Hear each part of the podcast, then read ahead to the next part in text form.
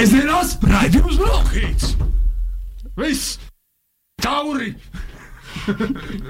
Ir viss tauri ar bronhītu. Tāpat tās no manis nekas jēdzīgs nesanāca šodien. Sveicināti radio nams studijā. Radījumā Bronhīts ar jums ir vadītāja Edvards Kuks un Signa Viška, un pie mums viesojas galvenokārt literārā žurnāla viens no redaktoriem - Roberts Vilsons. Čau! Čau, Robert! Jā, un kā mēs jau runājām aizkadrā, um, ir sākotnēji iesākot raidījumu Jānos oficiālais uh, žurnāla žokļa. Um, Nostāja vai statements, kā to teica Roberts. Un, uh, žoklis ir uh, jaunu cilvēku veidots galvenokārt literārs nišas žurnāls, kas iznāk reizi ceturksnī, 500 eksemplāru tirāžā. Un tas jau daļai arī atbild uz manu jautājumu, ko es vēlējos vēlāk uzdot. Un uh, to veido pieci jauni literāti - Raimons Čirķis, Marija Luīza Meļķe, Lauris Veips, un Roberts Vilsons un Kirillis Vilhelms Ēcis, un kuru mērķis ir ne tikai atspoguļot literāro procesu un pārstāvēt jaunos autors un to literārās intereses, piedāvājot lasītājiem aktuālus oriģinālu darbus, bet arī izkopt jaunākās paudzes redzējumu par norisēm kultūrā kopumā, kā galveno atskaites punktu nosakot tekstu. Un man liekas, ka šis arī ir diezgan izsmeļošs intro, kā iepazīstināt šo žurnālu, bet uh, pirms mēs pievēršamies varbūt jaunākajam žokļa numuram, atvasaras numuram, uh, Robert, varbūt uh, vari pastāstīt mazliet par žokļa vēsturi, jo pirmais žokļa numurs iznāca 2017. gada maijā, un otrais numurs iznāca 2020. gada rudenī. Un kā nonāca žurnāla atgriešanās pie lasītājiem, kā arī tu pats nokļuvi komandā? Jā, um, žurnāla vēsture ir noslēpumos tīta. Um, nav tā, ka es pats zinu, vai ka man kāds stāsta, kā žoklis ir radies pašā sākumā, bet es veicu izpētes procesu šorīt, noklausoties 2017. gada um, raidījumu šeit, Bronhītā, kur pie Ivara Steinberga viesojās um, Raimons Tā. Čirķis, Marija Luīza Meļķe un, un Rihards Rihards Raudonis. Um, jā, un viņi pēc viņu runātā es sapratu, ka um, žoklis, iecerē par žokli ir radusies jau 15. 16. gada mijā, lai gan tas ir iznācis pusotru gadu vēlāk, 17. gada pavasarī pirmo reizi. Un Viņi stāstīja tādus man nedzirdētus stāstus par žokļu sākotni, jo es tur nebiju klāt. Um, tur bija kaut kas saistībā ar to, ka viņi nav zinājuši, kas seko pēc skaitļa pieci. Viņi esat vēlējušies noskaidrot, vai tas ir skaitlis seši vai septiņi. Un laikam tas ir prasījis pusotru gadu. Un vēl tam ir bijis sakars ar kādu viņiem pazīstamu, bet plašākai publikai neatklātu personu, kas šajā laikā esot salauzis žokli. Sev? Sev, es tā saprotu. Tas ir viens stāsts. Otrs stāsts par um, pašu nosaukumu,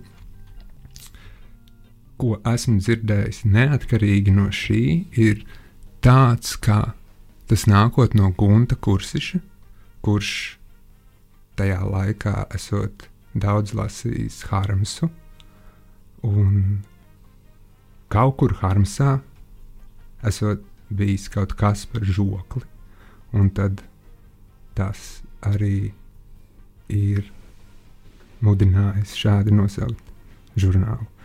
Mana teorija ir, ka runa ir par Harmsa veceni, kurai bija ieliekamais žoklis, kas viņai krita visu laiku ārā.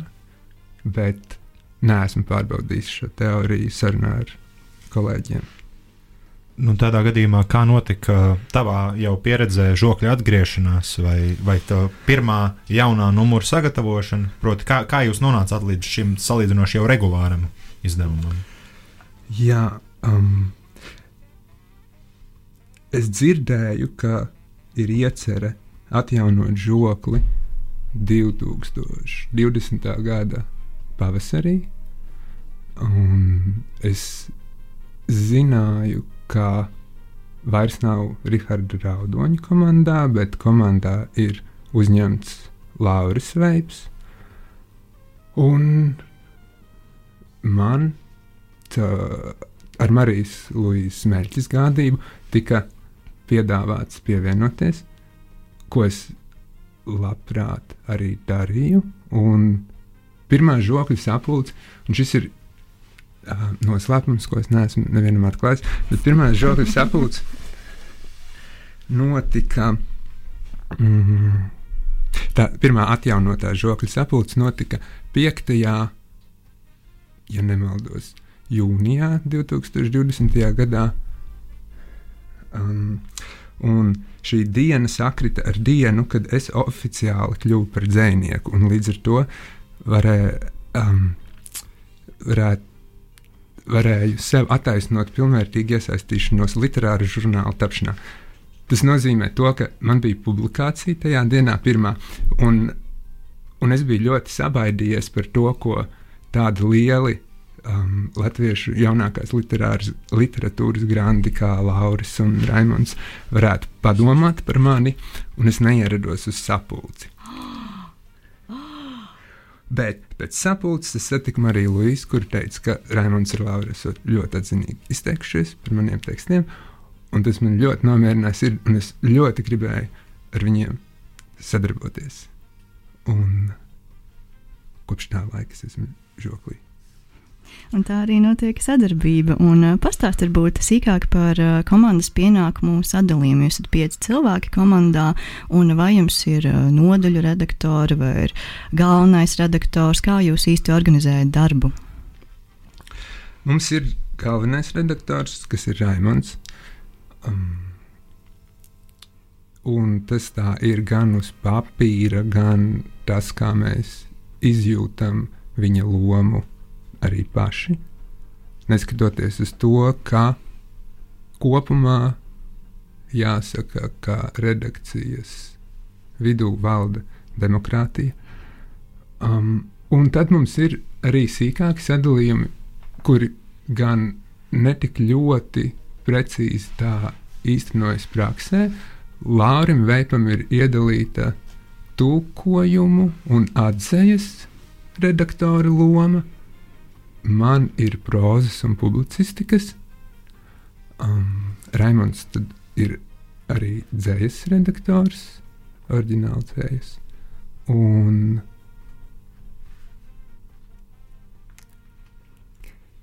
Kirils ir pasākumu un performanču um, kurators. Savukārt Marija Līsija Meļķa ir žurnāla iekārtotāja, māksliniece. Man, uh, jau, man radās jautājums arī par to žurnālu formātu. Uh, proti, gan par žurnālu formātu kā tādu, ko gan jau ir vērts arī Zonā Raimonda pēc tam noskaidrot, bet tiem, kas nav lasījuši, žoklis sastāv no Tad viņš ir teiksim, A4 formāta. Viņš ir liela, diezgan liela formāta žurnāls, kuram vienmēr ir pielikums. Vismaz jaunajā kārtībā vienmēr ir pielikums. Kā jūs līdz tam nonācāt? Pielikumā parasti ir garāks formas, teikt, dzējas darbs. Tieši tā. Jā. Um, līdz tam mēs nonācām nejauši, un mēs esam priecīgi, ka mēs to izdarījām. Un tas notika pateicoties jau minētajam Ivaram Steinbergam, kurš mums bija iesūtījis savu um, poēmu Rock'n'Rolls. Un viņa bija tik liela, apjomīga un forša, ka mēs īsti neredzējām vietu tai pamatsaturā. Un tieši pateicoties šim Steinberga devumam, mēs izlēmām, ka ir jābūt žokļu pielikumam. un tad arī viņš pirmais tajā debitēja. Un, un šķiet, tas bija ļoti, ļoti pārliecinošs pie, pielikuma pieteikums no viņa puses. Jā. Un uh, arī runājot tieši par uh, žurnāla saturu, satura rādītājā nav izteikta sadaļa, tur proza, dzēja, atzeja. Un es gribēju jautāt, vai, ir, vai katram numuram ir kāds uh, vadmotīvs vai kāda konkrēta tematika, pēc kuras uh, vadoties jūs liekat kopā numura tekstus? Šāda vadmotīva gluži nav. Mēs arī kaut kā daļai apzināti esam centušies no tā izvairīties. Um, š, tur kaut kādās sarunās ir parādījies tas, ka, piemēram, Kentauram bija katr, katrs numurs ar savu tēmu, un šobrīd iznāk arī tvērums, kas, protams, nav tā, ar mums vienā nišā, bet nu, viņi arī liek tēmu katram izdevumam. Mēs vairāk uz to raugāmies kā uz tādu plūstošu procesu, kurā aizsāks tēmas, kas turpinās.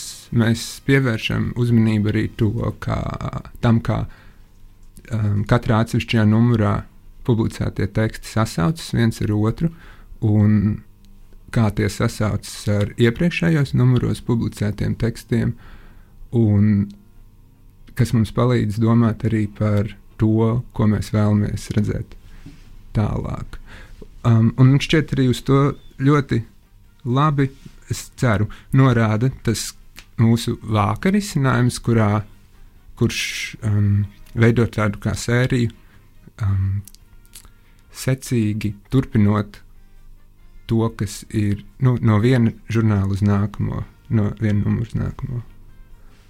Jā, es tieši gribēju arī uzslavēt uh, žurnāla vizuālo identitāti un arī uh, pateikties uh, Marijai Luīzei Meļķei par uh, tiešām pārdomāto noformējumu. Un, manuprāt, ir svarīgi, ka žurnāls ir ne tikai lasām viela, bet arī nedaudz mākslas darbs. Un, Žoklītes ir ļoti veiksmīgi apvienojies, manuprāt. Tā kā, paldies, paldies Marijai Luīzei. Un, uh, es brīžiem daļa, daļ, prot, daļa no redakcijas parādās arī žurnālā kā autori. Nevienmēr visi, bet pamīšus, un, un teiksim, tā, negluži rotējot, bet pamīšus. Vai tu esi kā autors izjūtis īpašu sevis plašu spiedienu? Tāpēc, ka tu raksti žoklim, nu, piemēram, ja es pareizi atceros, tev bija par Arta Ostu pa dzējoļiem tāda uh, tuvās lasīšanas analīze iepriekšējā žoklī. Vai, Vienu vēl iepriekš. Aizpagājušajā. Jā, aizpagājušajā.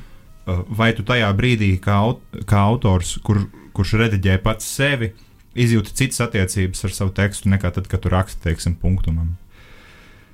Um, jā, es droši vien jutos brīvāk, bet ar šo pirmo atjaunoto uh, pagājušā gada rudens numuru mums patiesībā bija tā, ka tur mēs arī vairāk domājām par tekstiem, kurus mēs paši vēlamies redzēt. Piemēram, tieši tevis pieminētais ostu plasījums ievada um, tādu sēriju, kas ir refle uh, dažādu autoru refleksijas par kādu no latviešu sarakstītiem dzējoļiem, kas tapuši sākot ar 90. gadu. Un tā kā nekur citur tas īsti netiek darīts, tad šo rubriku ievadījām arī mēs paši ar, kopā ar Raimondu, kurš arī rakstīja refleksiju par vērdiņa tekstu. Un, jā, tā sajūta vairāk bija tāda, ka mēs parādām šo virzienu, kādā mēs vēlētos strādāt. Līdz ar to arī parādot priekšzīmi un piemēru un, un izdarot tās lietas, kas mums pašiem būtu interesanti un kuras mēs labprāt redzētu darām jaunus autors, kas nāktu nākamajos numuros. Un es domāju, šis ir labs brīdis, lai dotos pirmajā muzikālajā pauzē. Un pēc muzikālās pauzes mēs būsim sazvanījuši žokļa galveno redaktoru Raimondu Čirķi, un tam par godu arī mēs uzliksim Raimonda izvēlētu dziesmu uh, Joy Division uh, Love is gonna tears apart. Sēžamās raidījums Brokhīts! Viss! Tauri! Viss tauri ar bronhītu. Tāpatās no manis nekas jēdzīgs nesanāca šodien. Un esam atpakaļ naba studijā literatūras raidījumā Bronhīts. Un šodien mēs runājam par galvenokārt literāro žurnālu Žoklis un studijā pie mums viesojas viens no žurnāla redaktoriem Roberts Vilsons. Savukārt tagad mēs esam sazvanījuši žurnāla galveno redaktoru Raimondu Čirķi. Čau, Raimond! Čau! Raimond, es uh, uzreiz gribēju pie tevis vērsties ar to lielo jautājumu. Nu, manuprāt, tas ir lielais jautājums. Proti, kāda tagad ir drukāta literāra izdevuma loma vai vieta uh, tajā kopējā kultūras ainā? Jo uz, ir noticis tāds zināms uzplaukums pēdējo pāris gadu laikā. Nu, uzplaukums tas ir uz tā rēķina, ka vienkārši nekā nav. Uh, līdz ar to par tādu vispārēju drukāto žurnālu renesansu droši vien būtu grūti runāt. Vienkārši nav līdz šim bijis tik nu, daudzpusīgi Latvijā. Tas noticis, proti, nav tik daudz bijuši to drukāto mēdīju. Un, nu, mums žoklī droši vien tas bija svarīgi. Šis drukātais medijs, kā nu, droši vien kaut kāda banāls izklausās, bet kā tāds nu, pieturpunkts. Un, un es domāju, ka tas palīdz arī tekstiem labāk nonākt pie lasītāja, ja tie ir uh, lasāmi drukātā formātā, nevis, nevis digitāli, kur tie katru dienu parādās, un nākamajā dienā tie jau, ja nu vienīgi nav bijuši kaut kādi superskandalozi, tad pazuduši. Un atkal šādi drukātie viņi ir nu, kaut kādā mērā ilglaicīgāki. Un arī papīrs kā datu nesējs ir uh, principā tāda visdrošākā un vispaliekošākā vērtība, ko, ko apstiprinās jebkurš cilvēks, kurš nodarbojas ar digitālajām humanitārajām zinātnēm kopumā. Un vai tu šajā ainā teiksim, jūti gan to, ka žoklim ir sava vieta, bet kā, kā tu izjūti citus jaunus izdevumus, piemēram, tagad nāks ārā arī strāva, vai tu izjūti tajā kaut kādu konkurenci vai pārklāšanos, vai tu apzināti jūti, ka tās ir nodalītas mazliet uh, telpas? Mm, es domāju, es jūtu visu, ko vien var just. Es jūtu gan, gan konkurenci, gan, gan, gan atbalstu, gan, gan kaut kādu savstarpēju. Uh, droši vien cieņu, gan savstarpēju nu, neizbēgami neapzinātu lielākoties autoru dalīšanu katrā ziņā. Jo nu, Latvijā nu, to autoru ir tik, cik ir, bet es domāju, ka, ka noteikti var pastāvēt vairāki gan drukāti, gan digitāli mēdīji literatūrā. Katrs var nodarboties ar, ar savu satura veidošanu, ar savu ar savu interpretāciju par to, kas ir jaunākā latviešu literatūra un, un kas tajā būtu vajadzīgs un nepieciešams. Un tu strādāji arī pie paša pirmā žokļa numura 2017. gadā. Kādu nākotni tu biji iztēlojies žurnālam, un kā šī iztēles aina tagad sakrīt ar šī brīža realitāti? Uh, es daudz neko no tā laika neatceros. Es atceros, ka mēs bijām jau savākuši kaut kādu minimālu daudzumu jau to laiku otriem numuram, bet tāds viss kaut kā izplēnēja. Tas viss bija bez nekāda finansējuma, bez pilnīgi jebkā, bez arī zināšanām droši vien. Un tāds kļuva par kaut kādu tādu, tas vienīgais numurs par tādu bibliogrāfisku kuriozu, ja tā var teikt. Uh, bet, nu, atkal, ja nebūtu bijis tas, tad uh, nebūtu arī šobrīd visi pārējie numuri un nebūtu kaut kāda, cerams, stabilitāte, kas mums lēnām ar žokli veidojas. Un tu teici, ka veidojot pirmo numuru, varbūt uh, nebija zināšanu. Kas tad īsti ir jāzina, veidojot žurnālu?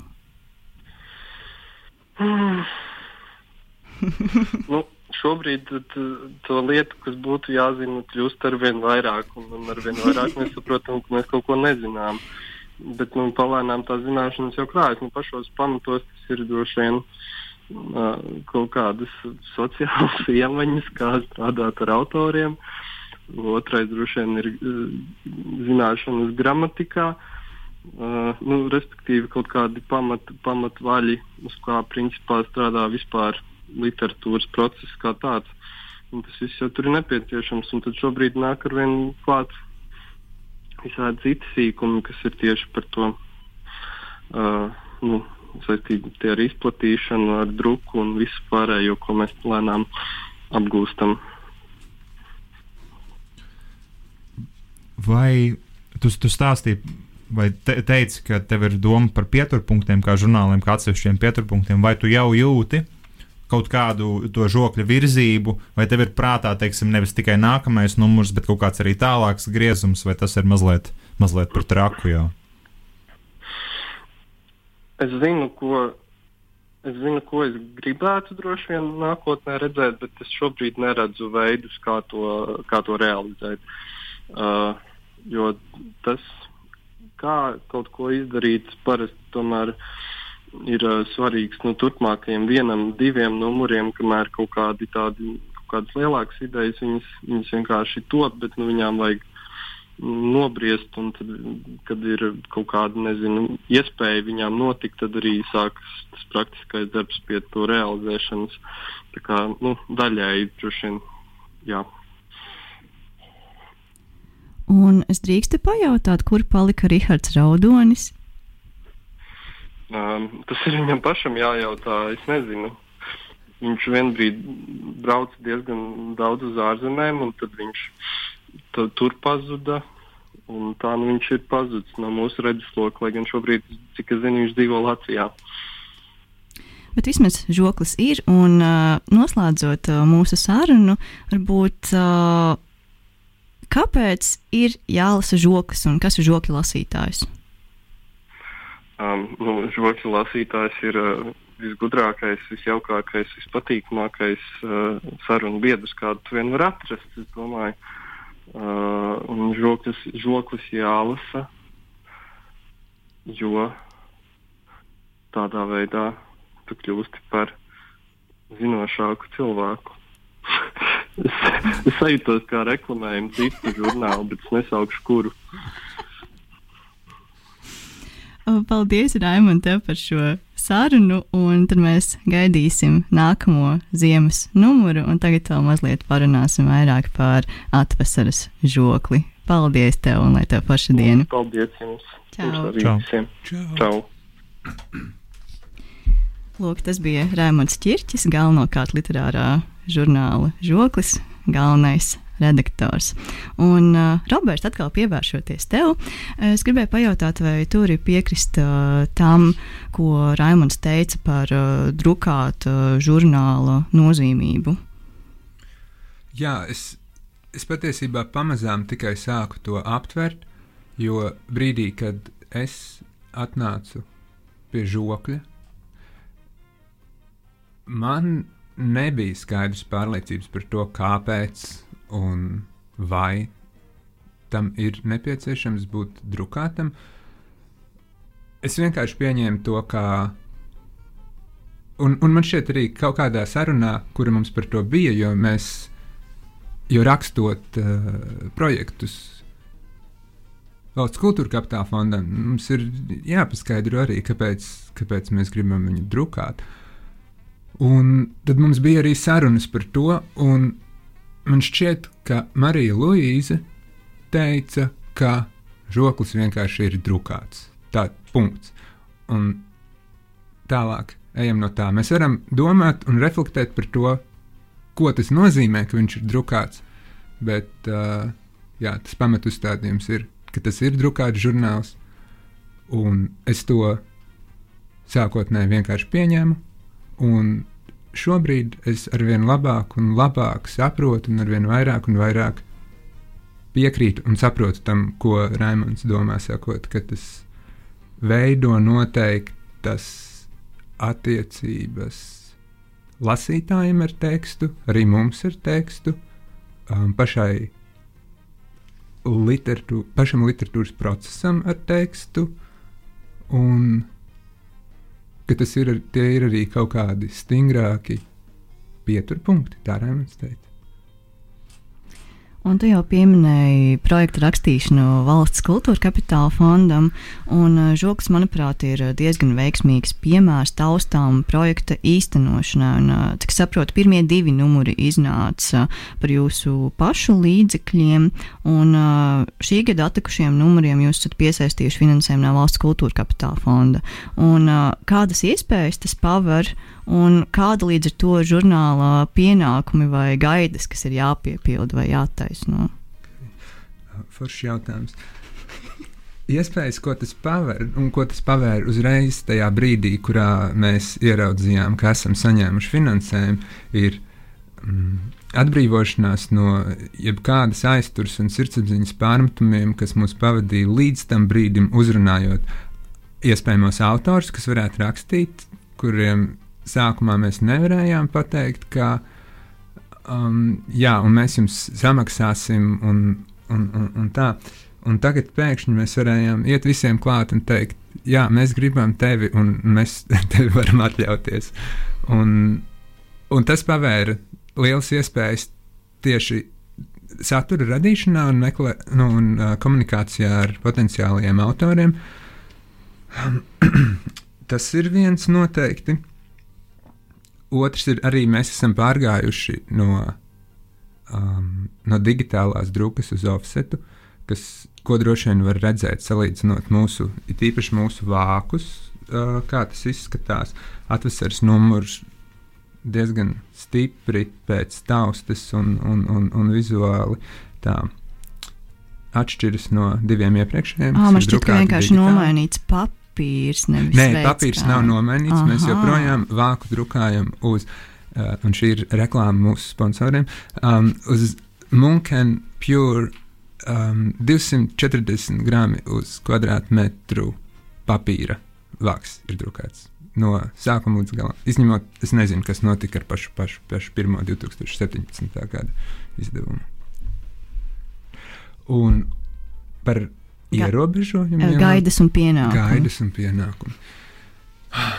Nu, jā, um, viena gaida un pienākums, kuru es personīgi izjūtu kā spiedienu, ir tas, ka mēs esam arī pacēluši tirāžu no 250. Nu, pats pirmais 2017. gadā iznāca 100 eksemplāros, pēc tam uh, 2020. gada rudenī tie bija 150 um, vēlajā pavasarī, šī gada jūnijā, tie bija jau 250, un tagad mums ir 500 eksemplāri. Un tirāža. Un tagad jautājums ir par to, vai, vai saskaroties ar šo divreiz jau pieaugušo tirāžu, kā mēs viņu spējam realizēt, kur mēs, mēs spējam atrast un sasniegt visus tos lasītājus, kuri iespējams nezina, bet ļoti labprāt zinātu. Tas ir viens. Un otrs ir arī nu, kaut kāda atbildība pret uh, atbildības pieaugums pret satura kvalitāti. Lai gan nu, tas vienmēr ir bijis augsts, bet tagad mūsu pašu uh, spiedienam ir pievienojies arī valsts spiediens arī Raimons pieminēja, varbūt ne gluži tādos vārdos, to, to brīvību, kas nāk ceturkšņa žurnālam no aktualitātes, no, no tādas ikdienas aktualitātes, bet vai jums ir kaut kādi teksti vai kaut kādas pietur, eh, pieturs katrā izdevumā, kur jūs domājat, tas ir jāizdod tagad, tas ir nevis tikai par šo tekstu, bet tas ir par šo brīdi, par šo laiku, teiksim, nu, kaut so, plašākiem sabiedriskiem notikumiem pieskaņojoties. Patiesībā nē, un, un par to mēs esam runājuši diezgan atklāti viens ar otru, un, un tas ir tāds. Uh, varbūt plašākai publikai noklusēts konceptuāls uzstādījums, ka mēs diezgan apzināti izvairāmies no tiešas komunikācijas ar aktualitātēm, šī, šī brīža aktualitātēm, kultūrā vai politikā vai, vai jebkur. Protams, mēs to darām netieši, mēs dzīvojam šajā brīdī, mēs saskaramies ar to, kas notiek tagad, un tas noteikti ietekmē mūsu izvēles satura veidošanā un tam, ko mēs vēlamies redzēt um, Bet tādā tiešā veidā nē, mēs pat diezgan apzināti izvairāmies no kļūšanas par aktualitātes komentējošu izdevumu. Bet tas nenozīmē, ka žurnāls ir eh, teiksim, tā, neitrāls vai apolitisks. Tas vienkārši nozīmē, ka viņš nav par šodienu tādā ziņā. Nē, viņš ir par šodienu. Viņš pavisam noteikti ir par šodienu. Bet uh, varbūt viņš ir ne tik ļoti reaģējošs uz šodienu, kā drīzāk um, proaktīvs. šodienu veidot mēģinošs. Mums šajā sarunā ir vairākas reizes uh, sanācis pieskarties kaut kam, kur tu saki, ka šis ir kaut kas, ko mēs esam izrunājuši privāti, bet kas līdz šim nav pacelts gaismā. Ir vairākas tādas redakcijas nostādnes, kuras līdz šim nav bijušas izrunātas uh, publiski vismaz. Vai ne, neviens mums nav jautājis? Tad tas nav noslēpums. Mēs vienkārši ne. esam pirmie, kas pajautā. Nē. Tu, tātad, turpinot šajā, piedod, šajā ievirzē, uh, man ļoti interesanti bija pagājušajā gadā jau lasot, ka Ir skaidrs, ka jūs netulkojat, izsakot, jūs netulkosiet tekstu no angļu valodas. Tas bija pateikts gan skaļi. Uh, tas man liekas interesanti un apsveicami. Tāpat kā tu saki, piemēram, arī, ka, ka reflektēt par tekstiem, kas ir tapuši pēc 90. gada. Kāpēc? Lai aizpildītu ne, līdz šim neapgūtu telpu, lai atšķirtos? Um, pirmkārt, nav gluži tiesa, ka mēs netulkosim, vai Um, es nezinu, vai mēs to esam izdarījuši. Man uzreiz nenāk ko, nekas konkrēts prātā. Iespējams, ka mēs tiešām neesam neko no angļu valodas uh, publicējuši, bet tā nav tiesa, ka mēs ļoti stingri būtu šādu uzstādījumu sev devuši. Bet, ja runa ir par tekstiem, kas būtu tulkoti vai atzīti no angļu valodas, tad iespējams tie kritēriji, um, pēc kuriem mēs izvēlamies jā vai nē, mēs šo tekstu ņemam vai neņemam, varētu būt stingrāki, vai uh, par to mēs parunātu vairāk nekā, ja tie ir teksti no citām valodām. Citējot uh, redakcijas slēju no pagājušā rudens izdevuma, ar atzēju veidot planetārāku piedarību literatūrai un neaprobežoties tikai ar mūsdienu lingua franca, bet mudināt arvien aktīvāk pievērsties tām literatūrām, kas latviešu mēlē ir svešākas, man arī simpatizē šī doma par vairākām literatūrām, par dažādām literatūrām, nevis šo vienu kopīgo katlu. Vai kā, kā tev šķiet, jums ir uh, izdevies pagaidām norādīt uz dažādām literatūrām, vai žoklī var sadzīvot dažādas literatūras, vai jūs veidojat tomēr vienu kaut kādu savu? Um, es domāju, ka noteikti žoklī var sadzīvot un sadzīvot dažādas literatūras. Bet par šo projektu veidot planetārāku, um, um, kā tur Rēmons raksta, um, planetārāk izpratni vai planetārāk skatījumu vai planetārāk to saturu. Rēmons man vienreiz teica, ka tas esot kaut kāds jēdziens, kuram ir nozīme. Tas nav tā vienkārši, tā nav vienkārši metāfora, un, un, un žēl, ka mēs nepajautājām viņam, ko tas nozīmē. Viņš varētu pastāstīt, es domāju, vairāk. Es domāju, ka mums vēl būs iespēja viņam to pajautāt, varbūt ne šī raidījuma laikā, bet noteikti atgriezīsimies pie tā. Un mēs visu laiku runājam par žokļa tekstiem. Es domāju, ka ir pienācis laiks arī noklausīties uh, vienu tekstu, kas ir uh, publicēts uh, žokļa atvasaras numurā, un uh, tas būs Reņa Pelles Karlsona poēma par zveju. poēma par zveju. Kad es uzkāpu uz kuģa pirmo reizi, kā tīklu lāpītājs, es vēl nezināju par Annu. Kad es lāpīju tīklu pēdējo reizi, es jau zināju, ka Anna ir trīsvienība. Pēdējais rīts uzausa netīrs, saule bija aizkvēpusi no manām ar slimību pārpilnējām plaušām. Mana pusaklā acis pieplaka tālskatim trīsvienību meklējot. Mute spļaudama asinis sauca: Anna, Anna, Anna, kur zeme, kur Anna, kur trīsvienība. Anna neatsaucās maniem saucieniem. Anna bija aizmigusi, Anna sapņoja, Annas sapnis. Pilsētas centrālajā laukumā bija sanācis cilvēku pilns, tie drūzmējās ap lielu sārtu, tur dega visu vecumu, visu dzimumu bērni. Anna pati dīrāja lielu nenosakāms sugas milzīgu zvēru. Tam bija ragi un spārni, un tas vēl bija nedaudz dzīvs. Tam bija mana seja. Anna pabeidza dīrāšanu un gāja mani satikt. Asinīm notriepusies, smaidoša, Anna nāca man pretī savā sapnī. Es prasīju Annai, no kurienes tik daudz asins. Anna neatbildēja, bet dubultojās. Anna neatbildēja, bet trīskāršojās. Es devu Annai savu sirdi, un to pašu brīdi pārvērtos nodīrātajā zvērā. Annas vilka mani apglabāt uz zvēru kapeļiem. Pie kapiem Anna satika mani un sevi. Mēs nācām Annai pretī, ģērbušies jocīgās drānās. Annas jautāja, kurien mēs tā ejam. Mēs teicām, ka uz kapiem satikt atklāsmes zvēru. Anna sniedz mums notīrāto zvēru, un mēs sākām gauži raudāt. Anna pamodās, pamodās savā istabā. Bez Annas istabas pasaulē vairs nekā cita nebija. Viss.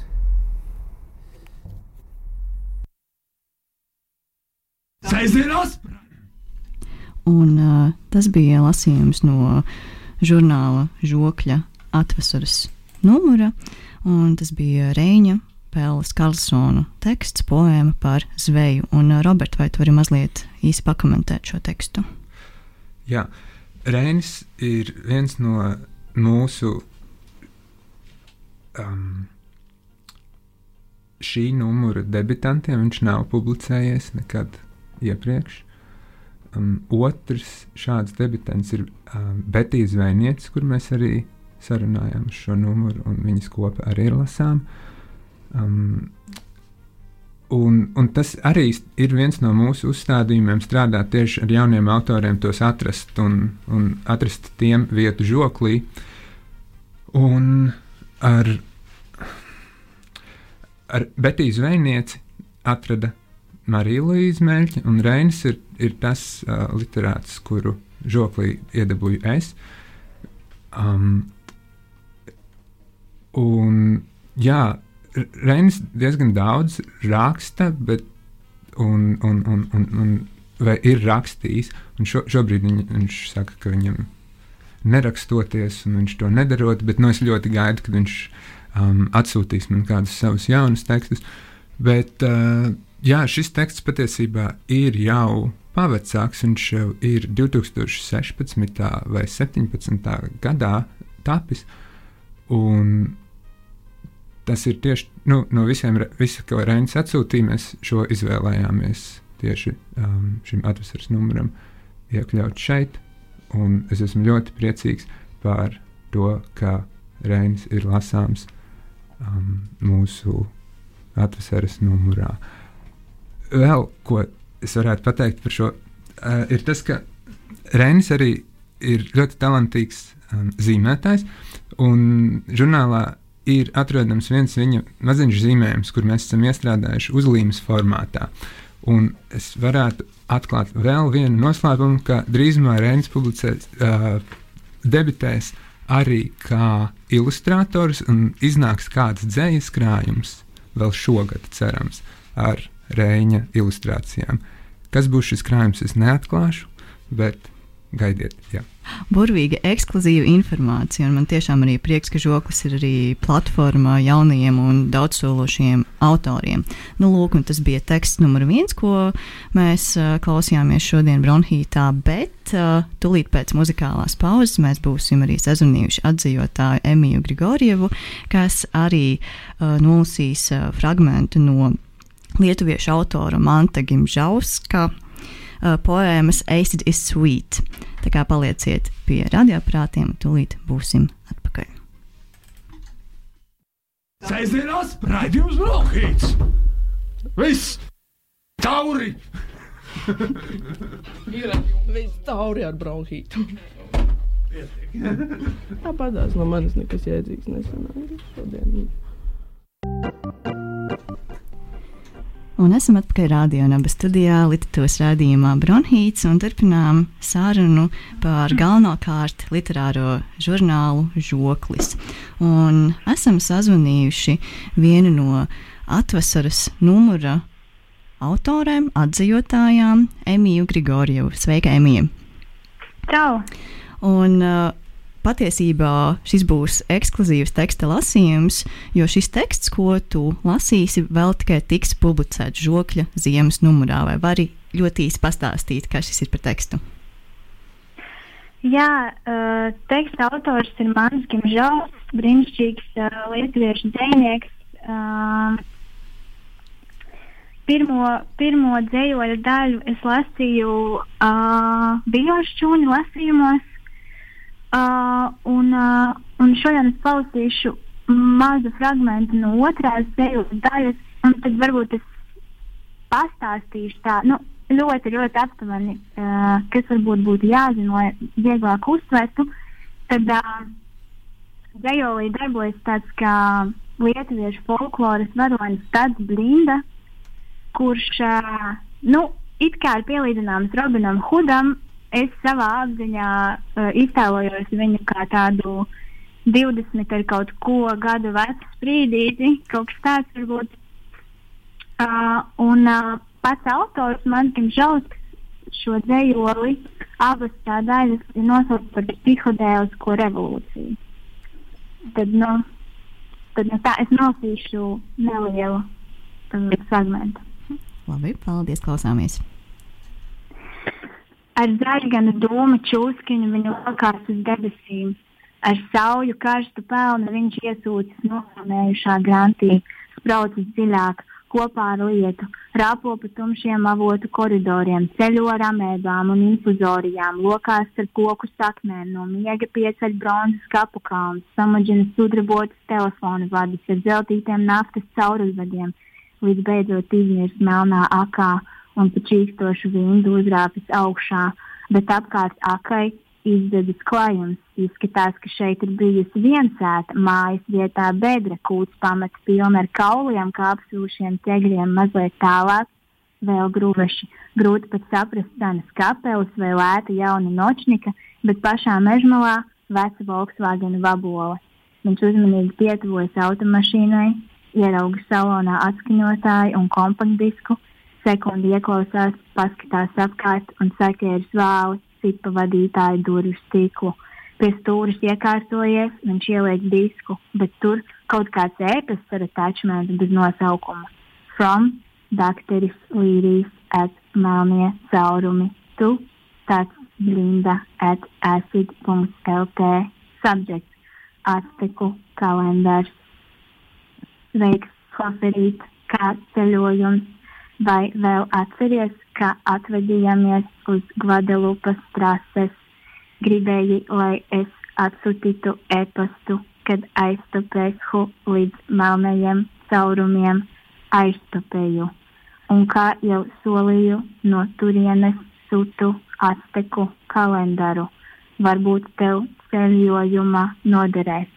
Pirmais - saule balta, vairs nekā, tikai viņa otrais - saule, sarkana, viņa ir gaisma un reizē ēna, kā ieslēgts avarijas signāls.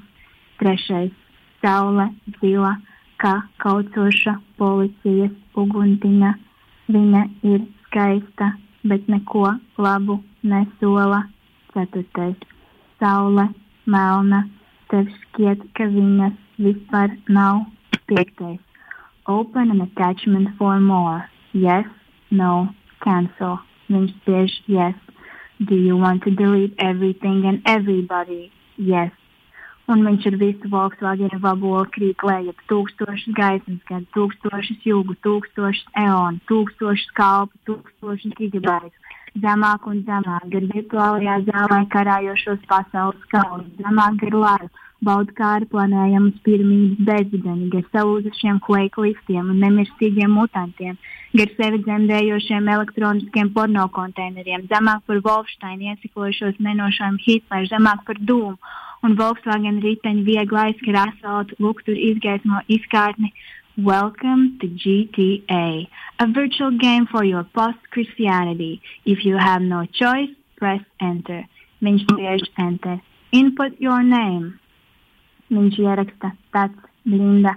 Choose your city. Liberty City cancelled, San Andreas cancelled, Vice City cancelled, Sherwood cancelled, Fifth Sun City. Viņš spiež enter un iebrauc pilsētā. Volkswagen vabola griežas no ielas uz ielu, triekdamās buržīskajos džipos, kriminālajos jaguāros, zelzem multikorporāciju benzīnvedēju, šķaidīdam divdimensiju garām gājējs, bloķēdam ceļu politiķu kamuflāžas limuzīniem līdz virtuālu barikāžu vidū, tas blinda izdzird Robina Huda vārdus. Paldies! Uf, Emīļa, um, es atļaušos nelielu kalambūru. Man mazliet atkārās žoklis klausoties. un, uh, Jā, paldies par šo lasījumu, un arī tas uh, telefona savienojums, kas mazliet, mazliet ik pa brīdim noraustījās, piešķīra tādu mazliet kosmisku noskaņu, un es domāju, tas bija tieši, tieši laikā.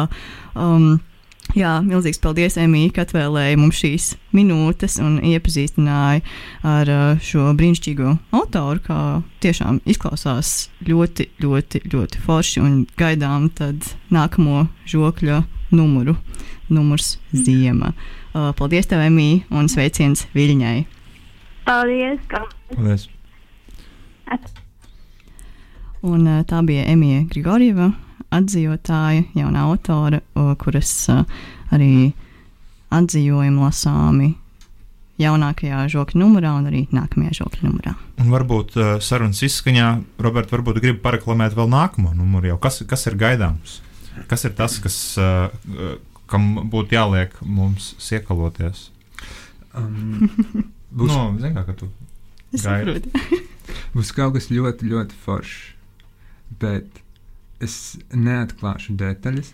Pateikšu vienīgi, ka, bet lietas, kas jau īstenībā ir paredzamas, ka um, jā, būs šīs emijas atzījotā Manta Grimžauska uh, poēmas otra daļa, no kuras jūs dzirdējāt fragment, pirmā daļa ir jau šajā atvasarā, kā arī turpināsies Laura Veipa tulkotā Gastona Bašlāra eseja lidojuma sapnis. Tā ka, ja tas ir sākts lasīt, tad uh, gaidiet turpinājumu, siekalojoties līdz decembrim. Jā, mēs ļoti gaidām un atgādinu, kur var iegādāties žokli.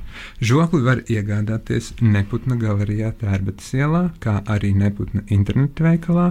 Šobrīd to var iegādāties Bolderājā. Un tuliņ, tuliņ, kuru katru brīdi viņš būs pieejams arī Jānī Rozē. Iespējams, visos Jāņos Rozēs Latvijā. Un vēl pēc brīža viņš būs atrodams arī Roberts Buks. Un Hmm, Roberts Buks. Varbūt par kalambūriem runājot. Un varbūt, un varbūt vēl kaut kur. Izklausās daudz sološi. Nu, gaidām decembrī, gaidām jauno žokli un dodamies pēc satversmes numuru. Jā. Roberts, paldies tev milzīgs. Kā atnāci? Signe, paldies, Edvard. Paldies par sarunu un tiekamies jau drīz. Jā, pēc divām nedēļām. Un raidījuma noslēgumā, kā jau minēju, sākumā dziesmas, kas skan šajā raidījumā, ir žokļa redakcijas izvēlētas. Un kā noslēdzošo dziesmu es vēlētos eh, piedāvāt Marijas Luīzes Meļķis izvēlēto dziesmu, un viņai bija komentārs, ka dziesmā ir jā, obligāti, obligāti jānoskan līdz beigām, bet noklausīsimies nelielu, nelielu fragmentu, jo raidījums skanēs tikai līdz pulksten 16. bet es ceru, ka šis uh, ieskats uh, tāpat būs uh, nu, labāk nekā nekas. Labi, klausāmies, un tad sadzirdēšanos Bronhītā atkal pēc divām nedēļām. Atā.